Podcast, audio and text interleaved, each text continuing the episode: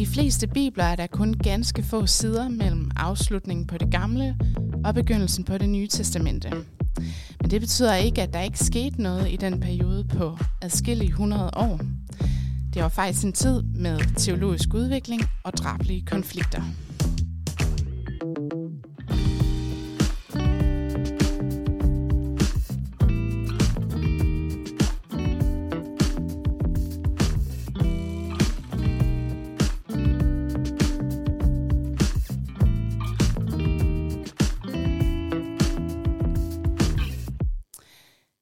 Velkommen til Mekar, Israels Missions podcast.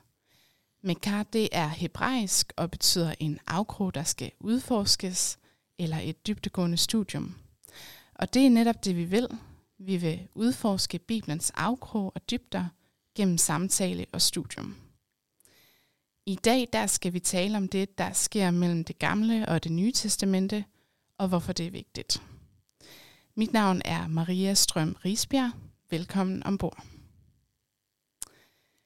Og i dag der har jeg inviteret en særlig kompetent gæst. Har du ikke lyst til at præsentere dig selv? Jo, det vil jeg gerne. Mit navn det er Kasper Bagholdt, og det plejer jo at være mig, der sidder og byder velkommen. Men i dag så er jeg altså gæst. Ja. Mm, og tak fordi du ville være gæstevært. Jamen selv tak. øhm. Skal jeg sige lidt mere? Altså jeg er bachelor i teologi, Ja. Jeg arbejder som bibelunderviser i Israels Missionen og laver jo blandt andet podcast. Det har de fleste nok opdaget. Mm, ja. Fedt. Og det, det plejer jo at være dig, der stiller øh, de sjove spørgsmål, Kasper. Men øh, i dag, så skal vi øh, lære dig lidt bedre at kende. Mm. Og derfor har jeg forberedt nogle spørgsmål, som jeg tænker, at, øh, at du kan få lov til at snakke lidt ud fra. Og øh, jeg tænker, at vi, øh, vi begynder med at høre om, øh, hvilken tidsperiode du gerne vil være født i, hvis ikke du skulle være født i den her tidsperiode. Ja, det, det svinger sådan lidt fra dag til dag, tror jeg. Nogle dage, så kunne jeg godt tænke mig at leve i øh, København i midten af 1800-tallet. Møde Søren Kierkegaard og ja. Grund, Grundtvig og sådan noget. øh, sådan guldalderens København. Øh, andre gange, så kunne jeg godt tænke mig at øh, leve i Romeriet eller i den periode, vi skal snakke om nu her, men det kommer mm. meget an på, hvem jeg skulle leve som. Ikke? Vi, altså, vi, ja, det giver god mening. Hvis nu man blev teleporteret tilbage til det antikke Rom, så er der jo mellem 25 og 40 procent chance for, at man var slave. Så hvis jeg var ung, rask, mand og rig, så ville jeg gerne leve i det antikke Rom. Men hvis jeg var noget som helst andet end det, så jeg, tror jeg helst, jeg vil leve i den tidsperiode, mm. vi lever i nu. det giver rigtig god mening. øhm, hvad var den første bog, du kan huske, at du ejede? Det, jeg tror, det må være Trollepus. Ja. Jeg havde du en Trollepus-bøger. Jeg kan ikke huske, hvornår jeg fik dem, mm. men jeg kan huske det som noget af det første. Men, men ellers så faktisk et Anders Anblad. Det tror jeg, altså da jeg gik i børnehaveklasse, der fik jeg et Anders Anblad. Ja. Det, øh, det tror jeg faktisk kom før Trollepus-bøgerne, men det er jo ikke en bog. Det er selvfølgelig rigtigt. Har, har du stadigvæk øh, bladet liggende derhjemme? Øh, nej, det tror jeg ikke. Okay. Vi, vi havde sådan øh, en butik, hvor man kunne komme ind og bytte Anders Sandblad. Så, mm, øh, ja. så jeg tror, det er rådet ud en gang. Okay. Ja. Og øh, så den sidste her. Kan du sætte ord på, øh, hvilken teolog, som har formet dit gudsbillede mest? ja, nu siger du det i ental teolog. Og det jeg tror jeg ikke, jeg kan svare på, fordi det, øh, det er der mange, der har. Men hvis jeg bare lige skal nævne nogle stykker uden at uddybe, så uh, C.S. Lewis, han var godt nok ikke teolog, men han var mm. tæt på. øhm, Dietrich Bonhoeffer, øh, Oscar Skarsavn er op fra Norge, og N.T. Wright også. Mm. Ja, det er, sådan, det er fire teologer, som har formet mit gudsbillede. Ja, og sådan min teologiske måde at tænke på. Det er altså typisk teologsvar, at man ikke kan, kan holde sig til en, ikke? Spændende.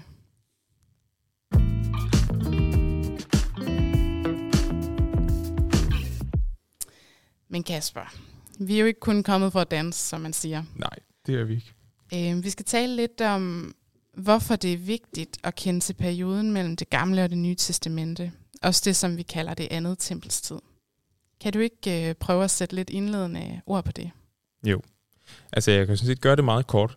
Det er vigtigt, fordi i det nye testamente, der er der øh, masser af fariserer og synagoger, og de bliver ikke introduceret på noget som helst tidspunkt. Og i det gamle testamente, der er der ingen fariserer, og der er ingen synagoger. Så hvis vi vil vide, hvad en fariser og en synagoge er, så er vi nødt til at finde ud af, hvad der sker mellem det gamle og nye testamente. Mm. Det er sådan det, det helt korte svar. Øhm, og hvis jeg skal sætte lidt flere ord på det, det kan jeg godt. Så er det vigtigt, fordi Bibelen er en historisk åbenbaring, som er indlejret i og farvet af den tid, den er blevet til i. Og øh, det nye testamente er blevet til i den periode af jødedommen, som man kalder det andet tempels jødedom. Så hvis vi vil lære det nye testamentes omverden at kende, hvis vi vil lære det nye testamentes forfatteres verden at kende, så er vi nødt til at kende det andet tempels tid. Øh, det er også vigtigt, fordi, øh, fordi Israels historie ikke slutter, efter de kommer hjem fra eksilet. Og så er der sådan en mørk middelalder, indtil der lige pludselig sker noget i Nye Testamente. Der skete faktisk en hel masse her, som fik stor betydning for den verden, det Nye Testamente hører til i. Øhm, og Israel, det Israel, Jesus han levede i, er ikke identisk med det Israel, som fandtes på det gamle testamentets tid. Altså ligesom øh, Danmark under Kalmarunionen adskiller sig markant fra Danmark i 1864. Det er en periode på cirka 500 år, og det er samme tidsspænd, vi taler om her, øh, mellem øh, det gamle testamente slutter og det nye testamente begynder. Mm. Øh, så hvis ikke man, ja, eller for at bruge et andet tidsperiode, hvis, man, hvis ikke man kender til den her tid, og forsøger at læse det nye testamente, så svarer det faktisk til, at man forsøger at forstå verden, vores verden i dag, uden at kende til noget af det, der er sket efter reformationen. Mm. Og det kan man ikke. Ja, det er ret tankevækkende egentlig. Ja. Og så hjælper det os også med at forstå nogle helt konkrete udtryk og formuleringer i det nye testamente. Øh, udtryk som Guds rige, menneskesønnen, Messias, og forstå de jødiske fester. Hvis vi vil forstå dem, så er vi nødt til at forstå den her tid, som øh, ligger mellem det gamle og nye testamente. Ja, så man kan sige, at det er en periode, som kan give os nogle afgørende tolkningsnøgler til at forstå både det budskab, som Jesus kom med, men også øh, hele den verden, som Ny Testamente er skrevet i. Ja, lige nøjagtigt. Mm. Super. Men øh, før vi dykker ned i nogle mere specifikke eksempler på, på det her, så øh, skal du prøve at hjælpe os med at øh, få et overordnet øh, blik for den her periode. Hvad er det, der rent historisk sker i øh, den her periode, som ligger cirka fra 500 år før Kristus og ind til Jesu fødsel? Ja, det kan man jo gøre på mange måder. Jeg kunne gøre det ved at læse en masse årstal op, og det vil jeg forsøge at undgå. øhm, men, men hvis vi lige sådan skal have øh, de mest basale oplysninger på plads, så i 539 før Kristus, der har jøderne været i eksil i en rum tid, og så får de lov til at vende hjem til deres land. Øh, det er den persiske konge Kyros, der giver dem lov til det, og de vender hjem, og, og øh, det er ikke bare sådan en genoprettelse fra den ene dag til den anden. Det er øh, nogle, altså, det er ganske få jøder, der vender hjem, og de bor i et meget afgrænset område i Jerusalem, mm. og lidt uden for Jerusalem. Så det var en meget, meget lille øh, del af landet og en meget lille del af folket. Øh, og det blev en, altså en, en lille præstestyret provins, som var underlagt perserne. Men de levede under gunstige forhold. De havde faktisk lov til at være der, og, og der var stor frihed. Der var øh, tolerance fra persernes side. Så øh, går der 200 år, så kommer Alexander den Store, verdenshistoriens måske største feltherre, som i løbet af øh, 10 år får underlagt sig hele den dagkendte verden, øh, og, og udbreder det græske sprog og den græske kultur, helt fra Grækenland til Indien. Øh, og, og de 10 år, øh, de 10 år lægger faktisk grunden til alle de konflikter, der følger øh, efterfølgende. Mm. Det, det, er her, det, det er her, alle konflikterne opstår på en eller anden måde. Øh, fordi der opstår den her spænding mellem den græske kultur og den jødiske kultur. Indtil da, der havde jøderne ligesom gået under radaren ikke, på en måde, i forhold til den store verden. Nu kom de lige pludselig i konflikt med den måde, alle i hele den der kendte verden tænkte på. Mm. Da Alexander han så pludselig dør, så skal hans rige deles mellem hans generaler. Og øh, så kom Israel til at ligge som en lus mellem to negle, mellem det syriske og det egyptiske rige. Det syriske kalder man også for Seleukideriget, fordi de var ledet af en, der hed Seleukos. Og øh, det egyptiske kalder man Ptolemæeriget, fordi det blev ledet af Ptolemaios. Så Israel lå som en lus mellem to negle, Og i løbet af de, af de følgende øh, 150 år, så skiftede Israel fra at tilhøre det ene til at tilhøre det andet rige. Og øh, i det egyptiske rige, der var der tolerance, og i det syriske rige, der endte det med, at der var intolerance. Der kunne man ikke få lov til at leve som jøde. Og det førte til en frihedskamp, som førte til selvstændighed, og det førte til et kollaps, som gjorde, at romerne kom. Og, øh, og så er vi øh, i den tid, Jesus han bliver født i, en tid, hvor Israel er besat af romerne. Så det er sådan, altså det er det helt, og, og, det, og det fortsætter Israel faktisk med at være helt indtil 634 efter Kristus. Øh, så langt øh, går vi ikke i dag, men, men nu har vi ligesom, det er ligesom de helt overordnede øh, historiske linjer. Og hvis man ja. så skal kigge lidt mere øh, sådan på tværs af det hele, så kan man sige, der var nogle, altså vi kan se det som en konflikt mellem nogle indre faktorer og nogle ydre faktorer. Altså så, der var, en, der var en teologisk refleksion i den her periode, men man stillede sig selv det spørgsmål, hvorfor blev vi ført i eksil, og hvordan kunne man undgå, at det skete igen? Mm. Øh, der var også nogen, der stillede sig selv det spørgsmål, når nu vi lever i vores land igen, er Gud så også flyttet tilbage? Øh, fordi det, det så ikke ud, som om han var det egentlig. Det var der nogen, der tænkte i hvert fald. Øh, fordi hvis Israel... Hvorfor var Israel ikke blevet fuldstændig genoprettet? Hvorfor var man stadig underlagt nogle hedenske overherrer? Øh, hvordan kunne Gud påstå, at han styrede historiens gang og var Israels Gud, når ikke man levede i frihed? Så den slags teologiske spørgsmål stillede man sig selv. Øh, og der var forskellige måder at svare, det på, svare på de spørgsmål på. Og derfor opstod der forskellige retninger. Forskellige jødiske retninger. Man kaldte dem sekter eller øh, grupperinger. Eller sådan. Men det er forskellige måder at, øh, at svare på de her spørgsmål på egentlig. Farisererne kender vi godt fra det nye testamente. Øh, Sadukæerne kender vi også fra det nye testamente. Så er der essayerne, øh, som jeg vender tilbage til senere hen, og, og på et tidspunkt opstod der også nogle celoter, nogle, nogle øh, nidkære frihedskæmpere. Og der var andre grupper, herodianer og terapeuter og alt muligt. Mm. Øhm, men der var forskellige måder at svare på de her spørgsmål på. Og hvis jeg bare lige skal øh, aflive en, en fordom, så farisæerne er, er tit blevet fremstillet som sådan nogle gerningsretfærdige protokatolikker.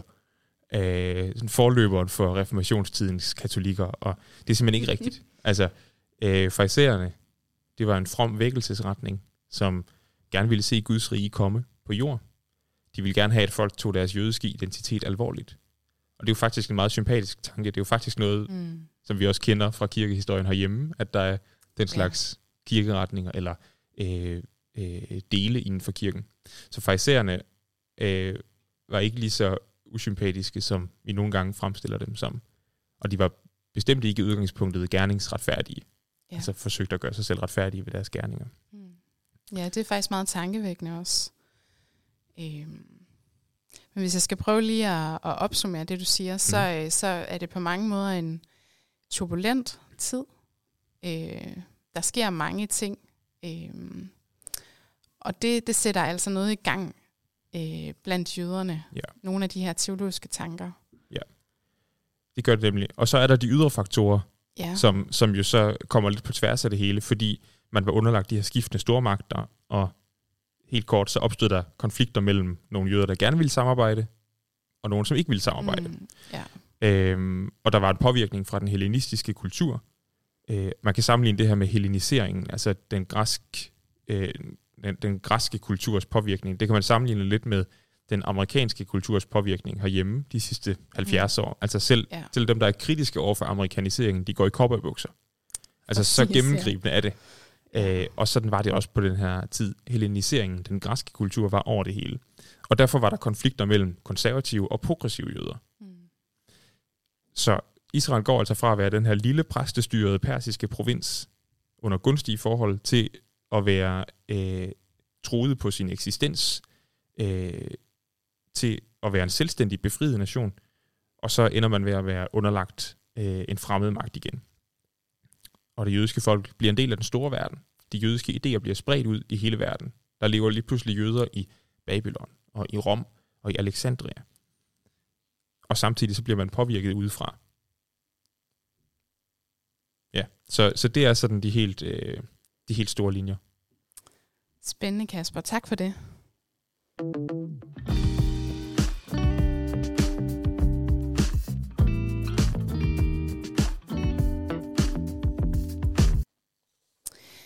Ja, jeg tænker, at øh, vi skal prøve at kigge lidt nærmere på de her indre faktorer. Altså det, der sker blandt jøderne internt. Øh, hvad er det for nogle teologiske tanker, man, man går rundt og har? Ja, altså en af de store tanker er jo, hvorfor blev vi ført i eksil? Og hvordan kan man undgå, at det sker igen? Og svaret var sådan set ganske simpelt, fordi de gamle testamentlige profeter, de havde givet svaret. De havde jo advaret folket om, hvis I fortsætter med at leve på den her måde, hvor I dyrker andre guder, og hvor I ikke er helhjertet øh, på Guds hold, på Israels Guds hold, øh, så går det galt for jer. Så øh, løsningen måtte jo være, tænkte man, at man levede efter Guds lov, at man tog sin jødiske identitet alvorligt. Og det, vi skal ikke forstå det sådan, hmm, igen, vi skal ikke forstå det som sådan gerningsretfærdighed. Øh, man var, øh, vi skal forstå det inden for pagtens rammer. Man var udmærket klar over, at man, Gud havde etableret en pagt med sit folk på baggrund af Guds kærlighed og Guds udvælgelse, Guds initiativ. Og den måde, som man levede i pagten på, det var ved at leve som Guds folk, ved at leve efter Guds lov. Så vi skal ikke forstå det som sådan en gerningsretfærdighed. Mm. Ja, man har jo også altså en historie, hvor man kan kigge tilbage og se, der var perioder, hvor, at, øh, hvor det gik skidt, mm. og det mhm. var måske der, hvor man var langt væk fra Guds lov. Øh, så det er også på en eller anden måde en, en cirkulær bevægelse. Ja. Øh. Ja, man blev, man blev optaget af at leve rent. Man ja. blev optaget af at leve ret. Øh, det, var, det var faktisk en vækkelsestid på mange måder. Ja. Det, var, det var en tid, hvor, man, hvor, hvor der skyllede sådan en bølge af renhedsiver. øh, det, det er et udtryk fra nogle af de jødiske skrifter selv, der skyllede ja. renhedsiver ind over øh, folket. Man blev optaget af at leve rent efter Moselovens forskrifter. Mm. Øhm, og, og der var altså der var ligesom forskellige øh, svar på, hvordan det kunne lade sig gøre. Der var farisæerne, som øh, var sådan en folkelig vækkelsesbevægelse, som sagt. De forsøgte at udbrede loven til alle mennesker, øh, til alle jøder. øh, så det ikke kun var præsterne, øh, og heller ikke øh, kun dem, der levede i sådan nogle klosterfællesskaber-agtige, øh, men det var alle jøder, der kunne, der kunne tage del i den her renhed, i den her vækkelse. Øh, Farisæerne, de var kulturelt konservative.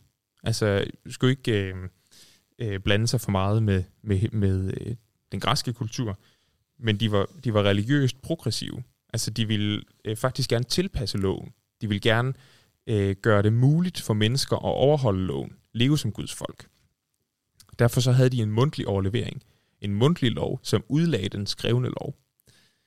Øh, og i praksis førte det så til, at de blev anklaget for at svække lovens radikalitet, øh, fordi, de, fordi de ville gøre det muligt for mennesker at overholde loven.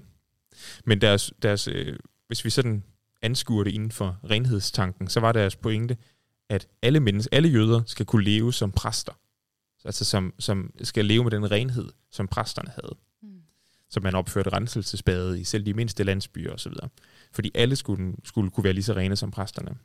Så er der sadukærerne, som øh, formentlig har deres navn, fordi de tilhørte den øh, præstefamilie, som hed Sadukiderne, som var den præstefamilie, der på det her tidspunkt var ypperste præsteslægten. Øh, de var eliten af samfundet de var kulturelt åbne mod Rom. De ville gerne øh, blande den græsk-romerske kultur ind. Øh, men de var religiøst konservative. Så derfor så afviste de det der farisæerne havde gang i med den mundtlige lov. Og, øh, og derfor blev de også eksklusive, fordi det var eliten af samfundet. Så deres pointe i forhold til renhed var, at den præstlige renhed, den er for præsterne. Eller for eliten af samfundet i hvert fald. Øh, den tredje gruppe, det er essayerne, som havde en streng disciplin. De levede afsondret, i hvert fald nogle af dem.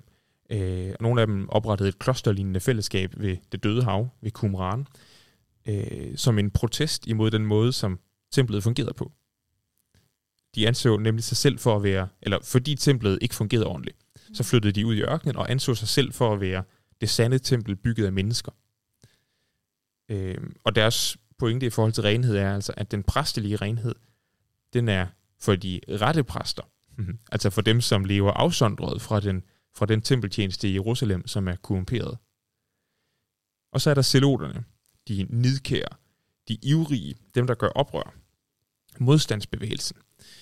Øh, deres pointe i forhold til renhed, kan man beskrive sådan, at den præstlige renhed, den sande renhed, det at leve som Guds folk, kan først opnås, når alle ikke-jøderne er fordrevet fra landet. Altså når romerne er væk. Så derfor så kæmpede de for, at, ja, at romerne skulle ud. Mm. Det er interessant, hvordan det her renhedsspørgsmål, det kommer til at se ud på forskellige måder for, ja, for forskellige mennesker. Mm.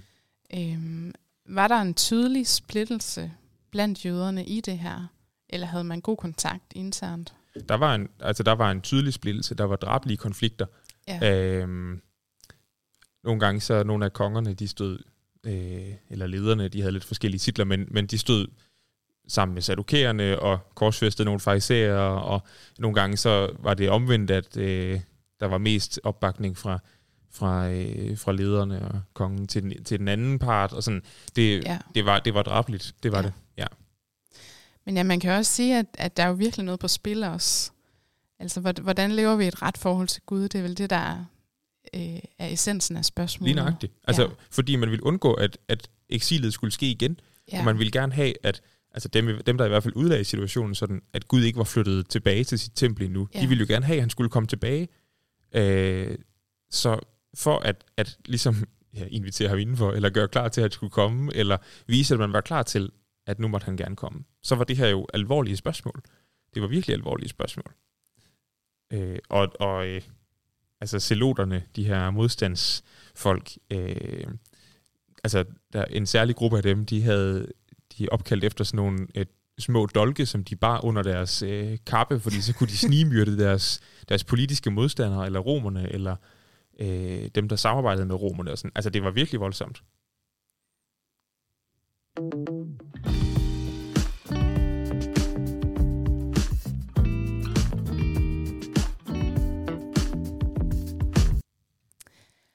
Ja, nu har vi snakket lidt om de indre faktorer og hvad der var på spil blandt jøderne. Og nu tænker jeg, at vi skal vende lidt blikket udad og prøve at kigge på de ydre faktorer – hvad er det, der sker, og hvordan har det også betydning for, hvordan jøderne reagerer på det her? Mm. Ja, og, og her tager vi bare fat i en, en, øh, en enkelt periode, nemlig noget, der sker, øh, mens øh, Israel er underlagt det syriske rige, Seleukideriget. Øh, der sker nemlig det, at på den her tid, der er i hvert fald nogle af ypperste præsterne, de er meget optaget af, at Jerusalem skal blive en græsk by at Jerusalem skal blive en hellenistisk by. Man skal opføre stadioner, og, og man skal ligesom tage den, tage den græske kultur ind. Og, øh, og derfor så opstår der på et tidspunkt en kamp om, hvem der kan være ypperste præst. Øh, det havde ligesom gået i arv inden for den her slægt, Sadukide-slægten, men lige pludselig så bliver øh, det et embede, man kan bestikke sig til at få. Øh, så den der, den, der øh, praler med, at han kan inddrive mest skat, han bliver ypperste præst. Og øh, derfor opstår der en konflikt. Og øh, den konflikt udnytter kongen Antiochus den 4. som et påskud til at angribe Jerusalem.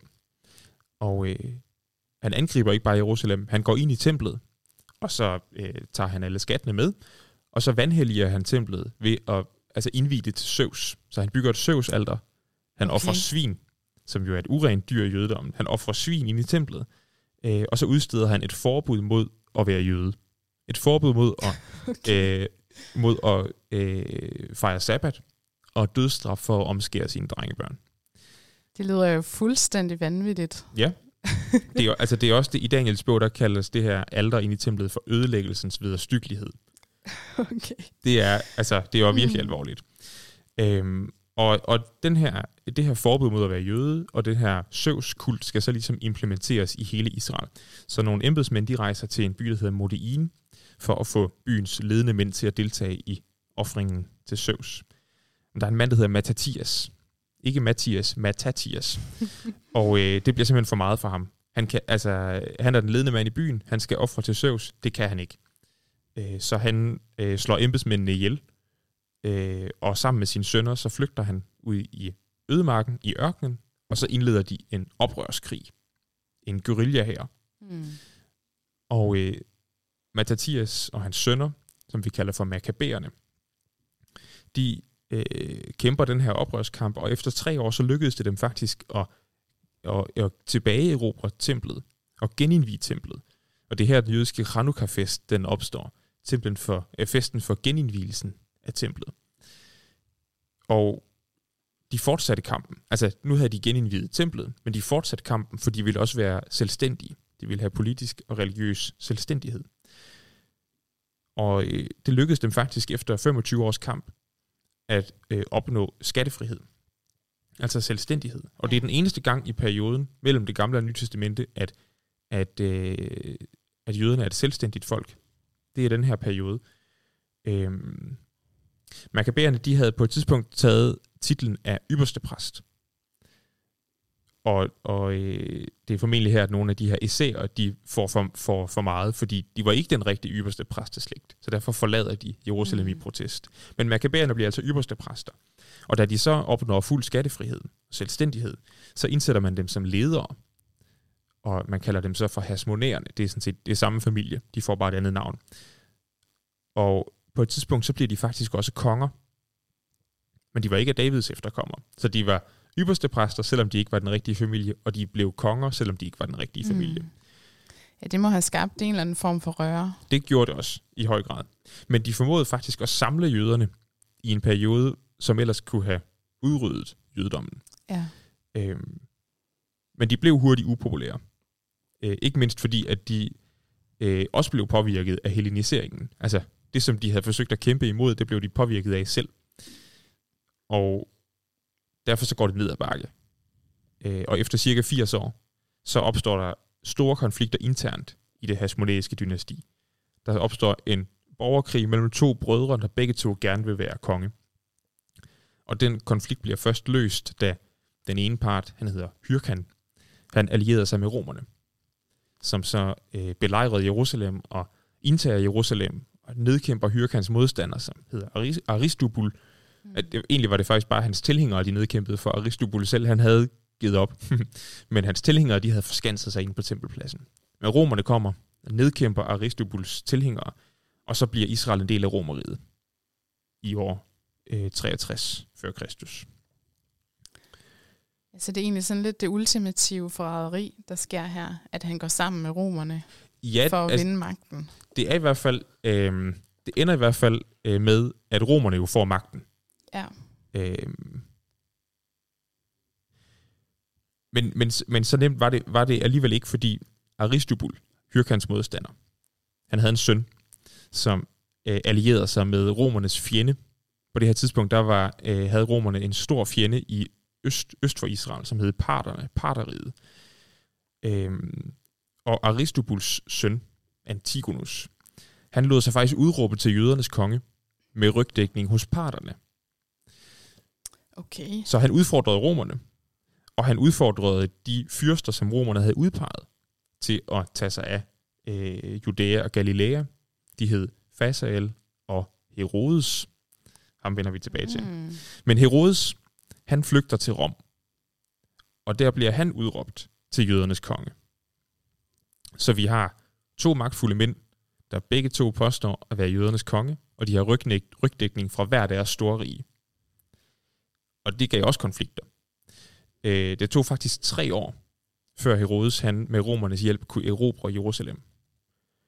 Øh, men så i år 37 før Kristus, der øh, erobrer Herodes Jerusalem og bliver sådan altså virkelig jødernes konge med et land og det hele.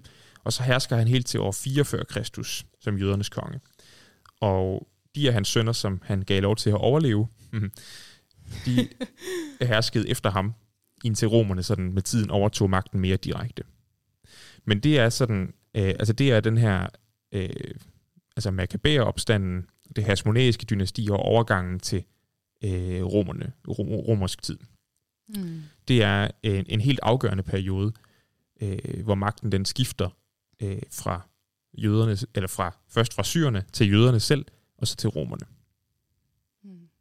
Ja, man har den her virkelig spændende opstand med makaberne, hvor jøderne virkelig træder i karakter, og jeg tænker også, at det har givet en national forståelse på en, på en helt anden måde virkelig, end tidligere. Virkelig, altså lidt ligesom at vi, at vi i dag øh, har nogle, nogle nationale fortællinger. Ikke? Så Ja. det har man stadig i Israel i dag. Du kan købe makabæer øl i Israel. Ja. Fordi maka- makabæer, det er noget, der er fedt også i nutidens Israel. Ja, og Hanukkah, som jo også Mm. er en årlig påmindelse om netop det her. Men øhm, jeg synes også, det er interessant, det der så sker efterfølgende, altså overgangen til romeriet her. Og, altså, at, at man går fra sådan en, altså, en national heltehistorie til lidt at, at sælge ud på Ja. en eller anden måde. Ja.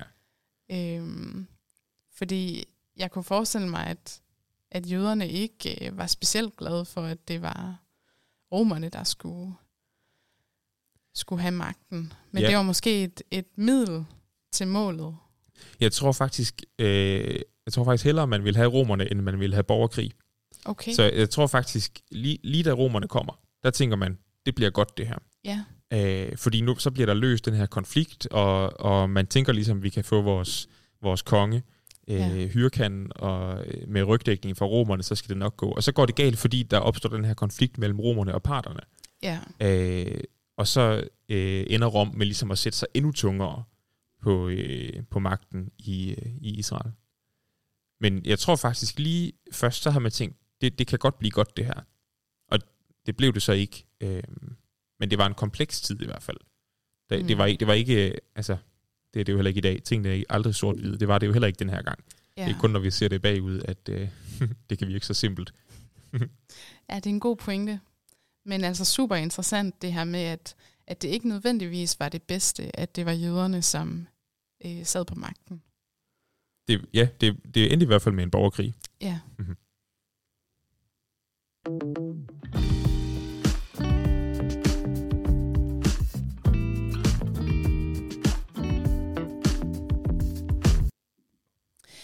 Jeg tænker, at øh, nu skal vi vende blikket lidt mod den samtid, som Jesus var en del af.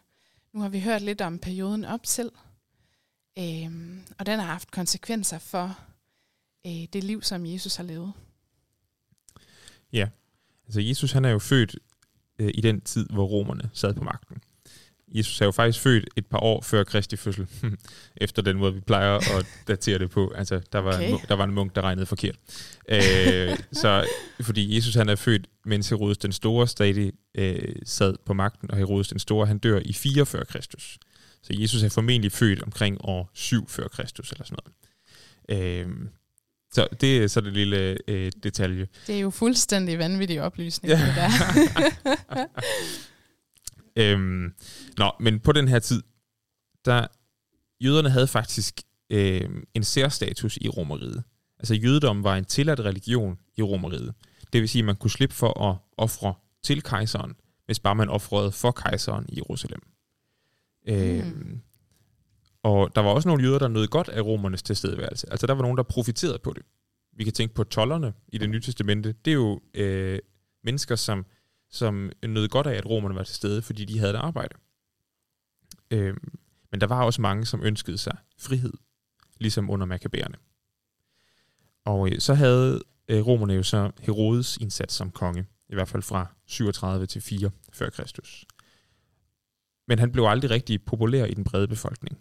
Altså, og det var der flere grunde til. For det første, så var han ikke jøde. Øh, Herodes han kom fra Idumea, som ligger syd for Judæa. Og Idumea var ikke et jødisk område oprindeligt, men det var et område, som hasmonerende havde øh, hvad hedder sådan noget, indtaget og gjort til en del af øh, Israel. Så han var blevet, han var blevet tvangsjudaiseret. Derfor blev han kaldt for mm. en halvjøde. Okay, og det handlede så om, at han havde magt og penge.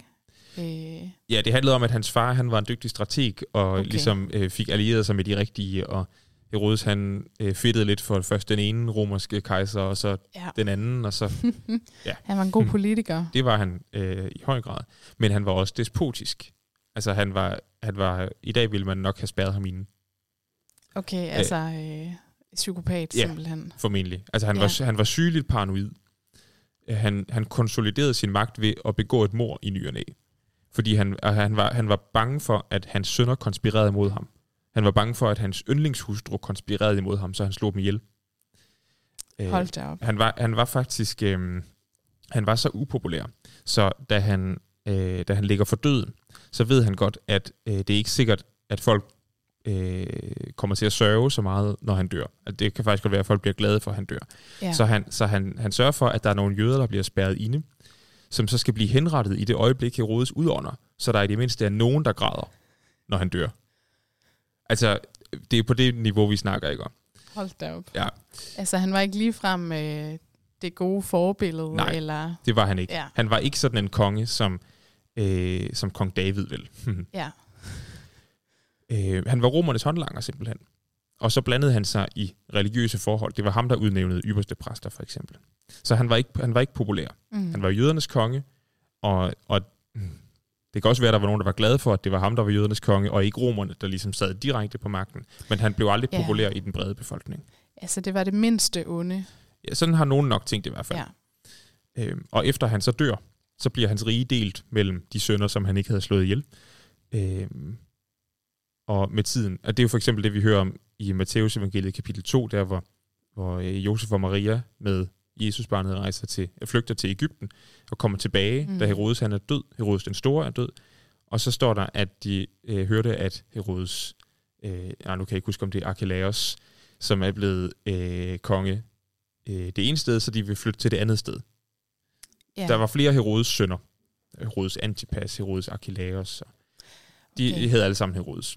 Og det var, en af, var det Herodes den Store, eller var det en af sønnerne, som øhm, forlangte, at alle børn under... Det var Herodes den store. Det var Herodes den Store. Ja. Okay, det går også godt øh, til fortællingen øh, om, hvem han var. mm. Nå, men så da Herodes han dør, så bliver hans rige delt mellem de sønner, han ikke har slået ihjel, og med tiden så overgår de her øh, inddelinger, Galilea, Judæa, og, øh, de indgår mere direkte til romersk styre, til romerske prokuratorer, for eksempel Pontius Pilatus, som vi jo støder på Mm. sidenhen i evangelierne. Ja. Og gennem hele den her periode, øh, både med Herodes, men øh, endnu mere, da romerne mere direkte sidder på magten, øh, så er der gnidninger og konflikter mellem jøderne og romerne, og mellem øh, jøderne internt.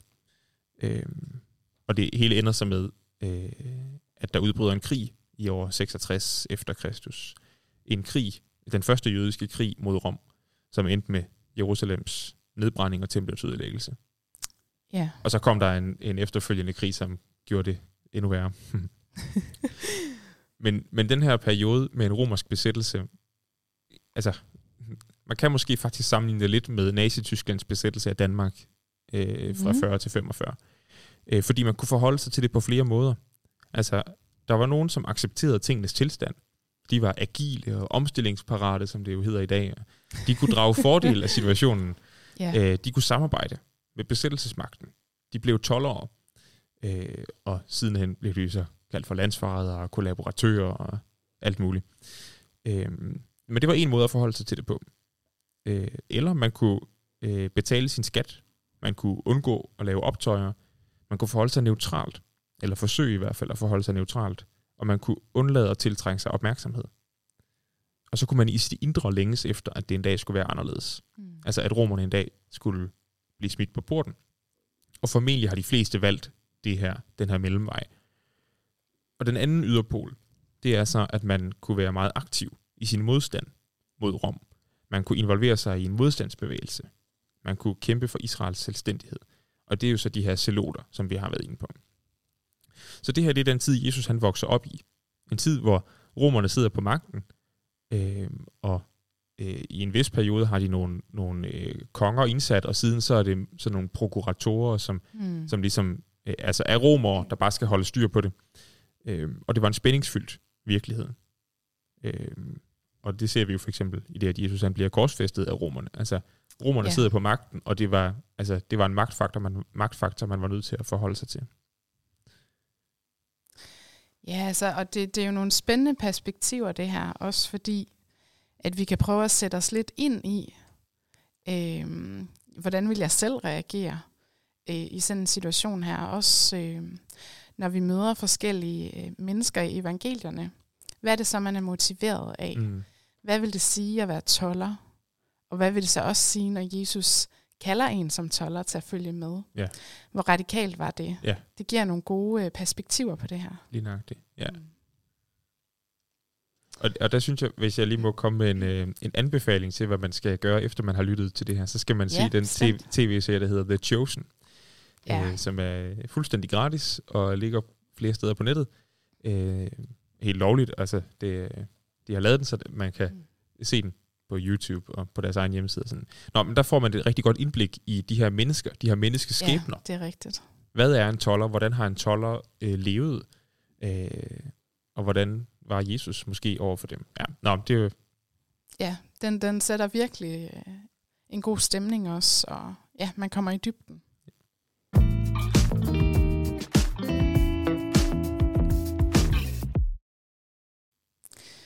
Ja, men nu har vi, øh, vi har kigget lidt på de øh, indre faktorer, de ydre faktorer, og øh, det har været super spændende, Kasper. Øhm, men lad os prøve at lige øh, løfte blikket lidt og øh, snakke om, hvorfor er det generelt godt at kende lidt til den her tid. Mm. Ja, og det, det kunne jeg tænke mig ved med det samme at dykke ned i et konkret eksempel. Yes. øhm, fordi det er nemlig vigtigt at kende til den her tid, for at forstå, hvad det betyder, når evangelisterne kalder Jesus for Messias. Altså, Messias er en titel fra det gamle testamente. Men, men det er ikke en titel, som ligesom lever i sådan et vakuum. Det er en titel, som man reflekterede over på det andet tempels tid.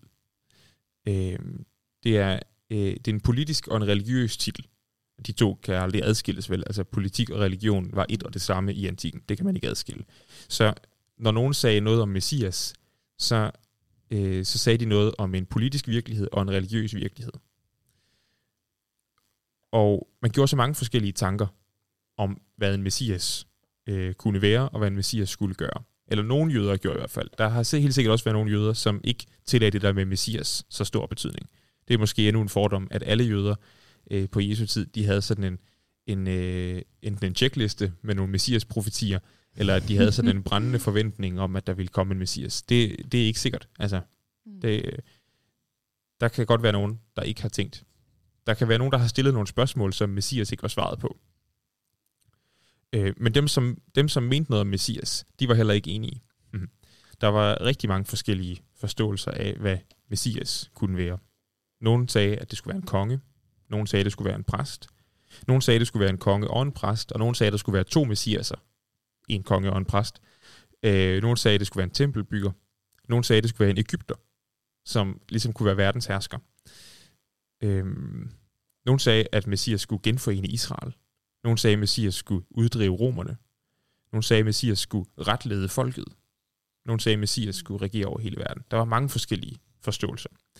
Men pointen er bare, at når nogen sagde Messias, så ringede det typisk en hel masse klokker øh, hos de mennesker, der hørte det. Og evangelisterne, de spiller på nogle af de her klokker. Og nogle af dem spiller de ikke på. Men og måske det er netop derfor, at Jesus ifølge i hvert fald Matthæus, Markus og Lukas, er tilbageholdende med at sige, at han er Messias. Og når mennesker de siger det om ham, så beder han dem om at tige stille. Mm. Fordi, fordi de har haft de her forskellige klokker, der ringede. Og, og der skulle ligesom spilles på de rigtige, på de rigtige tidspunkter. Ja. Det er sjovt, fordi jeg har faktisk altid undret mig over, at, at Jesus var så tilbageholdende med det. Mm. Øh, netop også fordi det tog så lang tid for dem at forstå, Ja. hvem han var. Og, og det er faktisk øhm, det er faktisk en rigtig god pointe, det der med, at det tog lang tid for dem at forstå. Fordi ja.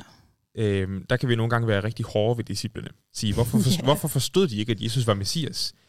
Og hvis vi stiller os selv det spørgsmål, så har vi misforstået noget. Eller Mm. faktisk er det Jesus, der har misforstået noget. Altså, Jesus, han...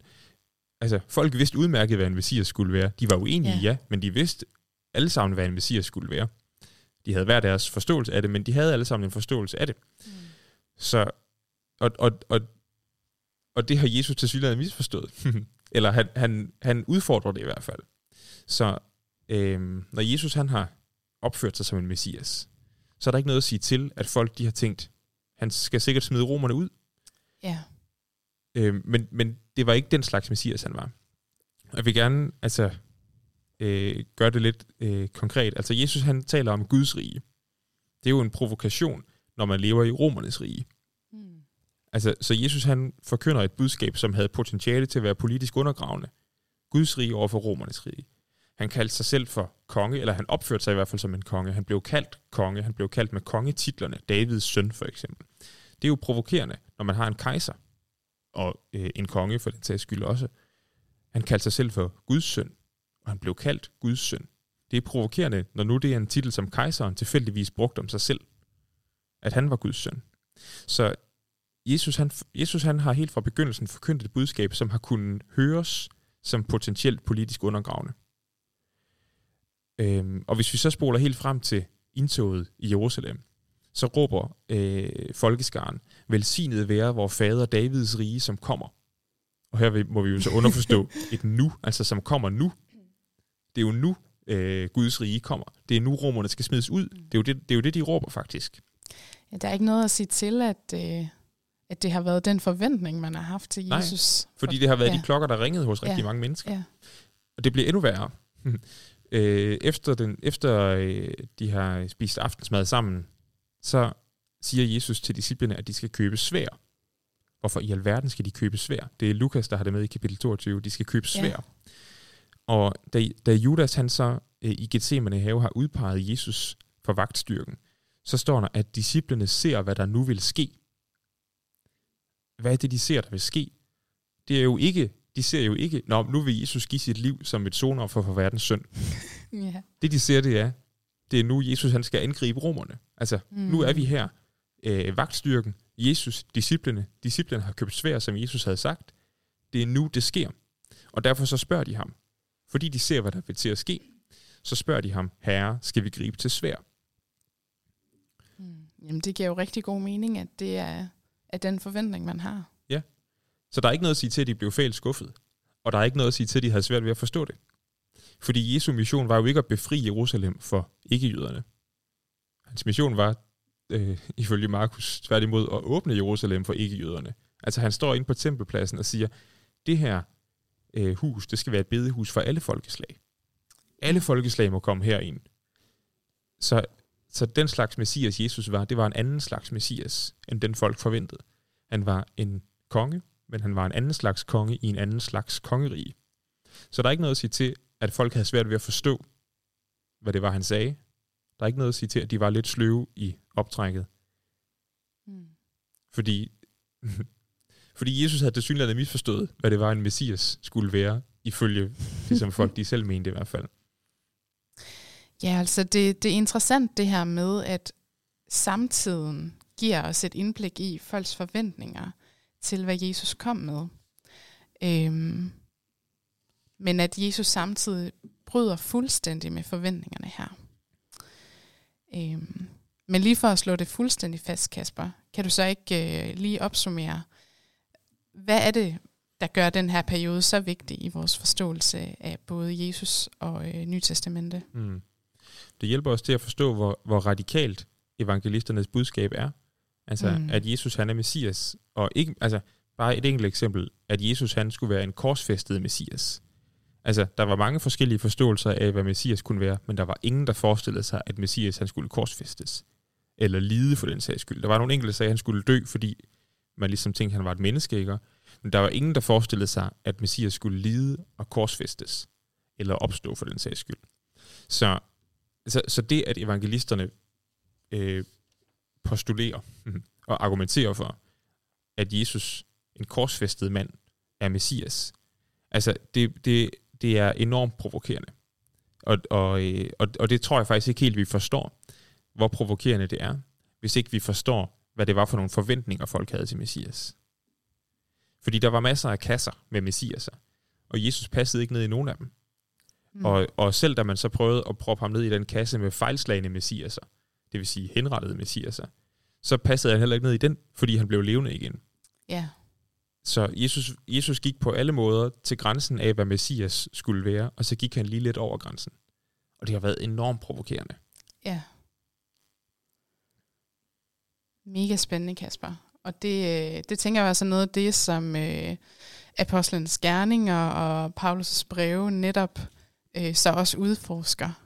Hvad er han så for en messias? Hvad er det for nogle rammer, han springer? Ja, ja og, og det er faktisk... Øh, nu ved jeg godt, at vi ikke har så meget tid tilbage, men, men det er faktisk vigtigt for os at huske på, at det, som det nye testamente først og fremmest er optaget af, det er at argumentere for, at Jesus er Israels messias.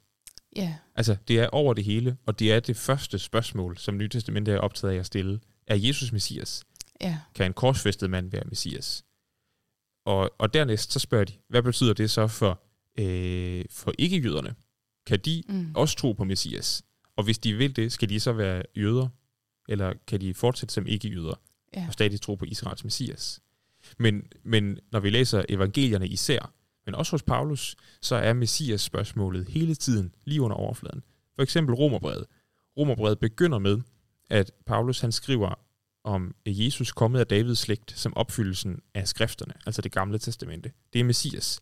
Og Romerbrevet slutter med i kapitel 15, lige inden Paulus går til at bringe hilsner og fortælle om sine rejseplaner, så slutter det med sådan en, en samlæsning af nogle, nogle tekster fra det gamle testamente om, hvilken slags Messias Jesus er, nemlig at han er en Messias for Mm. hedningerne også. Så rammen omkring Romerbrevet, det er Messias.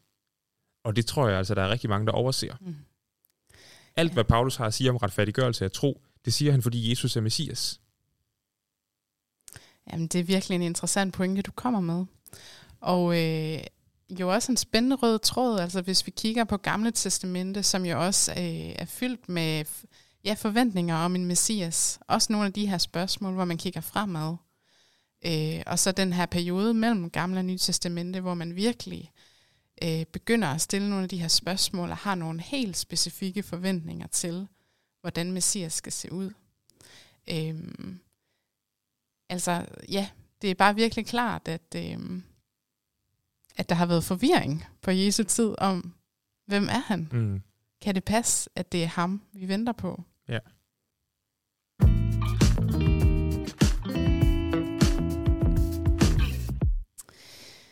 Ja. Vi skal prøve at binde en lille sløjfe på vores samtale i dag. Vi har været vidt omkring. Og øh, Kasper, kan du prøve at give tre opsummerende pointer? Det kan jeg godt prøve på. For det første så vil jeg sige, at den vigtigste historiske baggrund for at forstå det nye testamente, det er det andet tempels tid. Øh, det er ikke det gamle testamente. Det er også en baggrund. Og ikke mindst sådan, altså teologisk i forhold til, hvem er Israels Gud og sådan. Men den vigtigste historiske baggrund for at forstå det nye testamente, det er det andet tempels tid. Fordi det er den, det er den tid, nye testamente er blevet til i. Den anden pointe øh, kunne måske være, at jødedommen på Jesu tid var ikke øh, sådan et vakuum, øh, men blev påvirket af ting udefra og indenfra, og øh, blev påvirket af den historie, man havde med. Så Jesus levede heller ikke i et vakuum.